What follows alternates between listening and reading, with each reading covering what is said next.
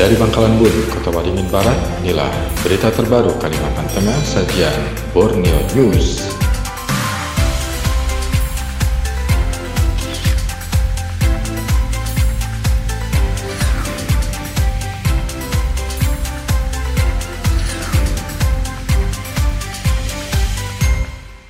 Pendengar, pemerintah Kabupaten Sukamara meluncurkan sebanyak 4 bus sekolah pada 2 Januari 2020.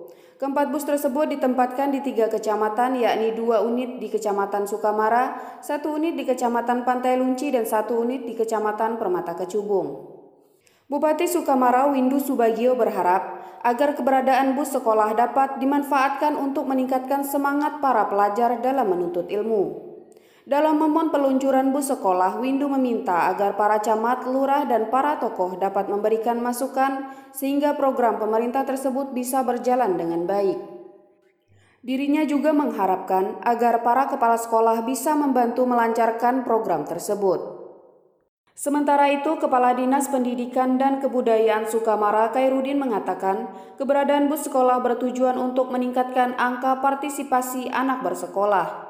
Menurutnya, angka anak tidak bersekolah di usia sekolah cukup tinggi, sehingga menyediakan transportasi gratis ke sekolah adalah salah satu upaya yang dilakukan pemerintah untuk mengatasi masalah tersebut. Kairudin melanjutkan, apabila angka anak tidak bersekolah masih tinggi setelah beroperasinya bus sekolah, maka pihaknya akan mencari indikasi lainnya yang menyebabkan anak di usia sekolah tidak bersekolah. Diketahui pada tahun ini pemerintah Kabupaten Sukamara kembali mengadakan sebanyak enam bus sekolah, di mana bus sekolah tersebut nantinya akan ditempatkan di wilayah pedesaan.